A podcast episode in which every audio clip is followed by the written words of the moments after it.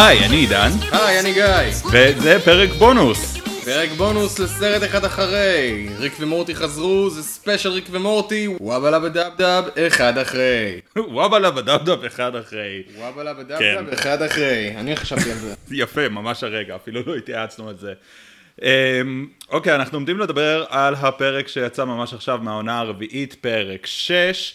אה, זה עומד להיות מעין פרק בונוס מאוד קצר ומאוד חשוב. אה, אם לא צפיתם בפרק ואתם רוצים לצפות, תפסיקו להאזין עכשיו, כי אנחנו... תעצרו ברגע זה. אוקיי, אז אחרי הפסקה מאוד ארוכה ולא מובנת באמצע העונה, ריק ומורטי חזרו בפרק, אני חושב שזה נכון להגיד שהוא משונה. אני לא חושב שזה controversial להגיד שהוא משונה.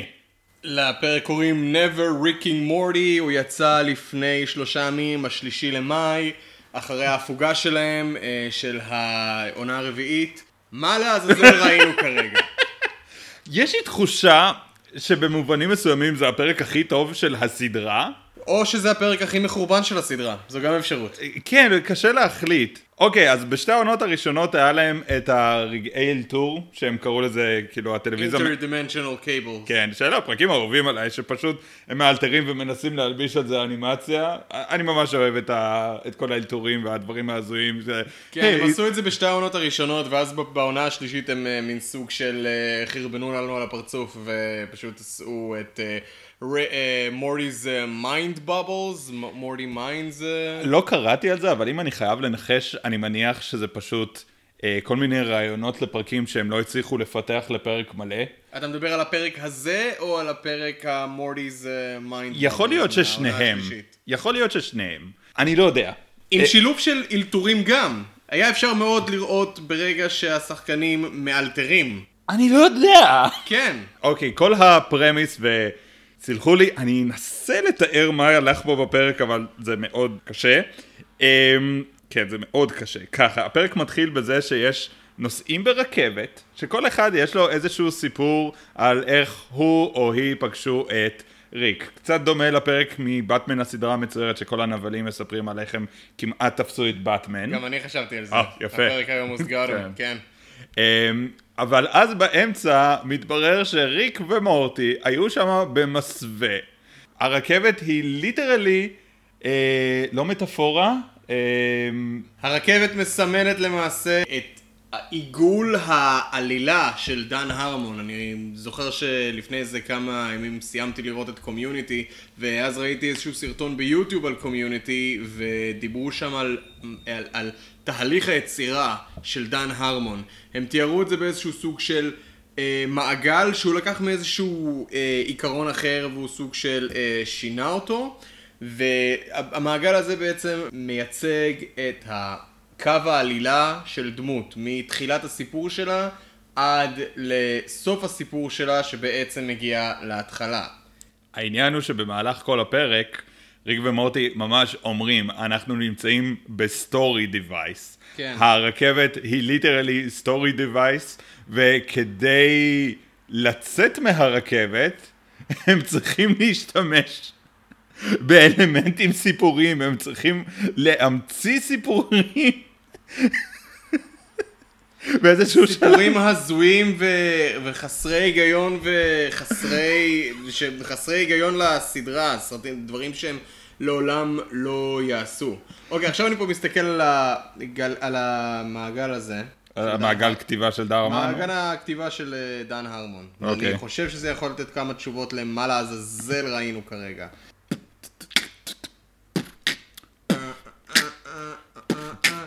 אוקיי, The Storytelling Wheel של דן הרמון.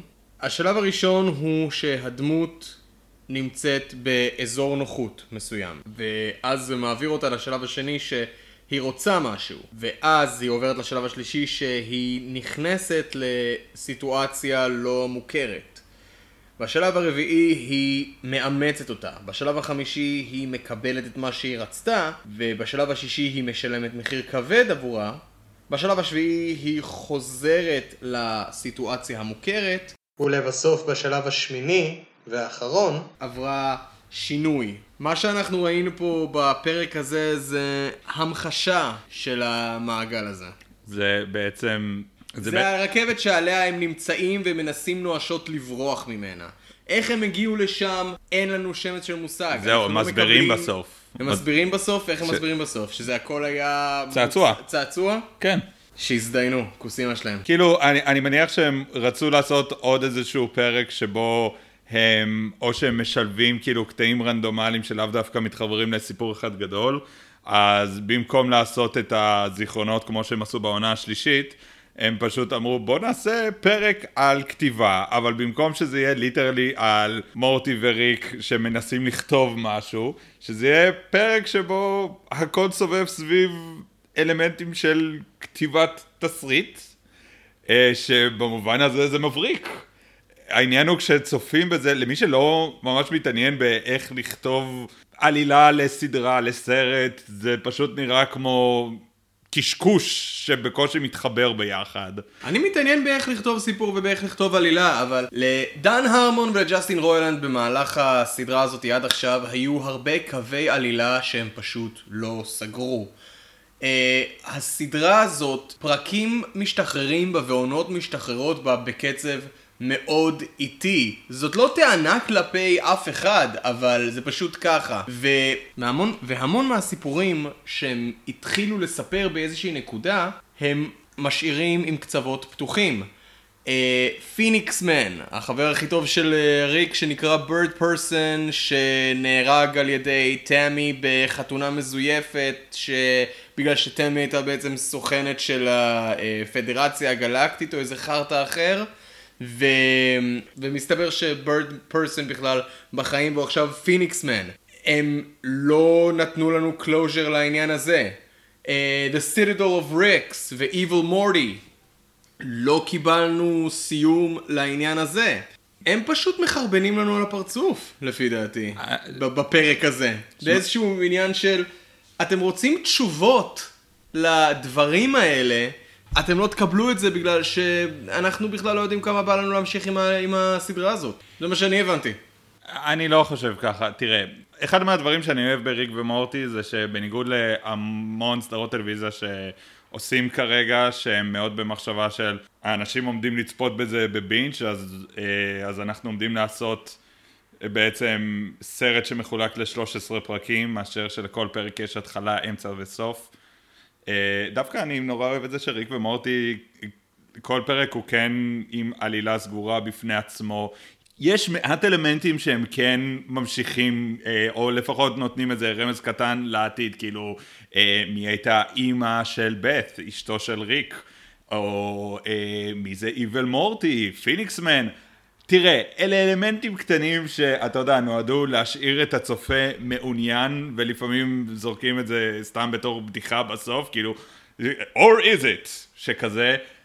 לא נראה לי שהם עצמם באמת יודעים, לא נראה לי שיש להם איזה תוכנית שמין כזה, אהה, ואז בפרק האחרון איבל מורטי יעשה איזה חרטא, לא, פשוט יש שם את הדמות הזאת שהוא כאילו סכנה, ואז הם יכולים להשתמש בו whenever, בגלל שהסדרה היא כל כך מוזרה, והיא כל כך חופשית, אז אני לגמרי זורם עם שטויות כאלו. אני לא, בגלל שברגע שמספרים לי איזשהו סיפור ומתחילים בהתחלה, ממשיכים לאמצע. אני רוצה סוף! תנו לי סוף! או, או, או לפחות איזושהי הרגשה של סגירת מעגל. תתחייבו לסיפורים שהתחלתם לספר. אבל אני אגיד לך מה הבעיה בזה, ברגע שהם עושים את זה, זה פחות או יותר הזמן שהם מתחייבים שבו הסדרה נגמרת. לא, הם לא, הם יכולים- יכולים לכתוב עוד דברים.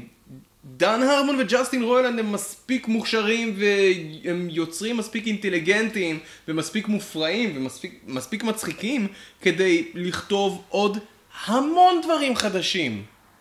הם התחילו סדרה חדשה! מי התחיל סדרה חדשה? ג'סטין רוילנד? כן, מה, מה, רק- הדבר הזה בהולו? כן, כן, שזה... הוא התחיל סדרה חדשה לגמרי. זה לו עוד- מוזר. ראית את זה? ראיתי את הטריילר, לא נראה לי שזה יצא עדיין. אני חושב לא יודע. ש- אוקיי, בסדר. אבל אה, זה מה שאני מנסה פה להגיד. מה שהם עשו מבחינת פרסום עבור הפרק הזה ברשתות החברתיות, הוא גם גאוני ומרגיז בעת ובעונה אחת, בגלל שאתה רואה באינסטגרם ובפייסבוק תמונות של מה הולך להיות בפרק הזה. אתה רואה את תמי ואת סאמר נלחמות ב lightsaber. אתה רואה את בירד פרסון. ואתה כאילו חושב, או oh, שיט, אולי כדאי שאני לא, לא אמשיך להסתכל ולחקור, כי הם הולכים להמשיך את העלילה שהם התחילו, ואני לא רוצה לחקור יותר מדי כי אני רוצה להיות מופתע. ואז אתה רואה את הפרק עצמו ואתה רואה שזה פשוט סלט של... שהורכב באופן רנדומלי מהתחלות לסיפורים שלהם, שהם עדיין לא סגרו, ואני... נכון לעכשיו, כאילו ברגע שיצא הפרק הבא, אני, אני, אני ישר אראה אותו בגלל שאני עדיין אוהב מאוד את הסדרה הזאת ואני אוהב מאוד את שניהם, אבל אני כרגע בתור צופה מרגיש שעבדו עליי. אבל כאילו מי שעבד עליך, אלה לא הכותבים של הסדרה, זה המחלקת שיווק. ולמה אתה רוצה שיווק ממוצר שאתה גם ככה רוצה לצרוך, לקנות? אתה יודע שאתה רוצה לראות את הפרק הבא, אז למה אתה רוצה ברשתות החברתיות לראות כאילו פריוויוס? מילא אם זה מגיע אליך מבלי שביקשת, לא יודע, בפיד, אבל אם אתה עוקב אחריהם, אז הם השיגו את המטרה שלהם, הם עניינו אותך בנוגע לפרק. אמנם בדרכים קצת שקריות, אבל עניינו אותך. אה, אני לא אומר שזה דבר טוב לעשות, אני לא אוהב ש... marketing ממש משקר, אבל במקרה הזה הם לא שיקרו, זה כאילו הפרק הזה כל כך מוזר שעד שאתה לא באמת צופה בו קשה קצת להסביר. אני מהניסיון המאוד קצר שלי לנסות להסביר מה הולך שם, נכשלתי נחרצות. אמ, לא יודע, אני, אני קצת אוהב את הפרקים האלה שהם קצת יותר אה, meta והרבה יותר עם ביקורת בנוגע לאיך הם יוצרים את זה, זה גם אחד מהסיבות למה כל כך אהבתי את הפרק על ה heist, על הגנבות. אני שנאתי את הפרק על ה heist. אני שנאתי אותו. You son of a bitch, I'm in. אוקיי, הם ירדו קצת על נטפליקס והם ירדו קצת על... כן, כולנו יודעים שסרטי הייסט זה fucking חרא, והדוגמה הכי טובה לזה זה אושן 12, שבעצם מגלים בסוף הסרט שכבר באמצע של הסרט הם ניצחו כבר והם המשיכו באיזשהו סוג של העמדת פנים וכן, בסדר, אבל הפרק הזה הרגיש כמו, פשוט הרגיש לי כמו כתיבה עצלה קצת. אני כל כך אהבתי את הפרק של ה-Reclantis Mix-Up. תזכיר מה זה? הפרק עם ה-Citadel of Ricks. אה, כן. ועם Evil Morty. זה הפרק הכי טוב שהם אי פעם עשו.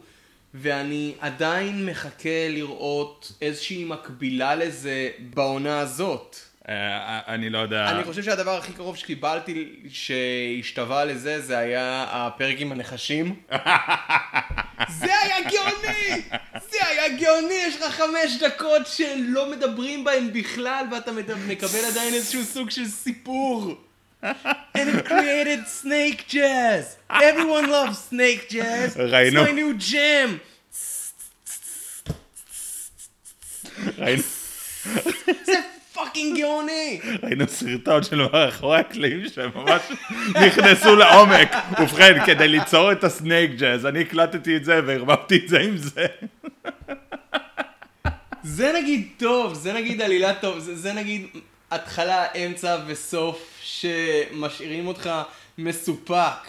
אני אפילו אטען שבאותו פרק מהעונה השלישית עם ה-Citadel of Ricks הם עשו את זה וכן, יש לזה סוף באותו הפרק אבל סוף פתוח שאני עוד רוצה לראות מה קורה איתו אני עוד רוצה לראות איזשהו סוג של עימות מול בירד פרסון וטאמי אני רוצה לראות את, ה...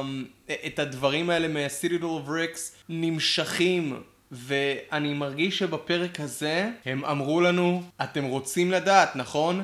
לכו תזדיינו, לעולם לא תדעו. שמע, הסדרה עדיין לא נגמרה, אי אפשר לדעת, יכול להיות שאולי בסוף העונה הזאת פתאום יתברר שה... שמורטי שהיה כל העונה זה בעצם Evil מורטי או איזה שטות כזאת. הסדרה הזאת כל כך הזויה שיכול להיות שבפרק האחרון יגלו שכל זה היה הזיה של בלו מספר הג'ונגל. לך תדע. בסדר, אני, אני מבין, אוקיי, הם גאונים והם מבריקים והם יכולים לעשות את זה, אבל באיזשהו שלב, אם אתה הבן אדם הכי חכם בחדר, אבל אתה עדיין מתנהג כמו fucking מניאק, אתה מאבד את, ה... את כל האהדה שלך. וכן, ריק גם דיבר על זה באחד הפרקים מהעונה השלישית, שאנשים אהודים הם אף פעם לא חכמים, בפרק הזה שהם ירדו על האבנג'רס. כן. דן הרמון אה, אמר באיזשהו ראיון שזה הפרק הכי גרוע שהוא כתב. ראיתי דברים קצת פחות טובים שלהם מאשר הפרק הזה, הוא עדיין היה נחמד והוא... אה, והיו שם כמה רעיונות אה, מגניבים, אבל גם הייתה התחלה, אמצע וסוף, ובסדר, הם גאונים, הם מבריקים, אבל אל, אל תשחקו בנו ככה. זה לא יפה. אוקיי. Okay. אה, uh, דעות שונות. מעניין מה יהיה בפרק הבא. לא, אני לא צופה בפרומושן, לא, אני אפילו לא מסתכל מה השם של הפרק. במקרה כזה, אני מעדיף להיכנס uh, כמה שיותר עיוור. לגמרי. זה ממש ככה, בגלל זה אנחנו גם החלטנו שאנחנו לא רוצים לעשות שלבי לפני, כמו שאנחנו עושים עם סרטים אחרים שאנחנו... אה, רואים ואנחנו עושים להם אה, לפני, מדברים על הציפיות ואז רואים ואז מדברים על האם זה ענה על הציפיות. עם ריק ומורטי אתה אף פעם לא יודע מה אתה הולך לקבל. הציפייה שלך בגדול זה... יהיה מצחיק. כן. אם זה מצחיק, מעולה, אם זה לא, אז פה אני חייב להגיד הייתה בדיחה מבריקה. היו פה כמה בדיחות מבריקות, היו פה כמה בדיחות מבריקות, זה כן. הכי אהבתי את הבדיחה הזאת שאיזה אדם מרושע מדבר, בוא אני אספר לך על הפעם ההיא שפגשתי את ריק. והוא ממש מרושע, פתאום ריק נכנס אליו והוא כזה שואל אותו, מי אתה? ואז ריק מפליץ. How did you enter my sanctum? okay, we're going in circles. kill him! זה היה קוריאה. כן, לא מאמין שאני צוחק מבדיחת פלוץ. אוקיי, בוא נראה מה יהיה בפרק הבא של ריק ומורטי. וואבלה בדבדב אחד אחרי, אנחנו נחזור בינתיים. אתם מוזמנים להאזין לעוד כמה מהסיקורים שלנו על סרטים שונים ומשונים, מדברים שאפשר למצוא בנטפליקס עד למעמקי הנוסטלגיה. אנחנו היינו גיא זיידמן ועידן שונברגר, סרט אחד אחרי. יאללה ביי. danger!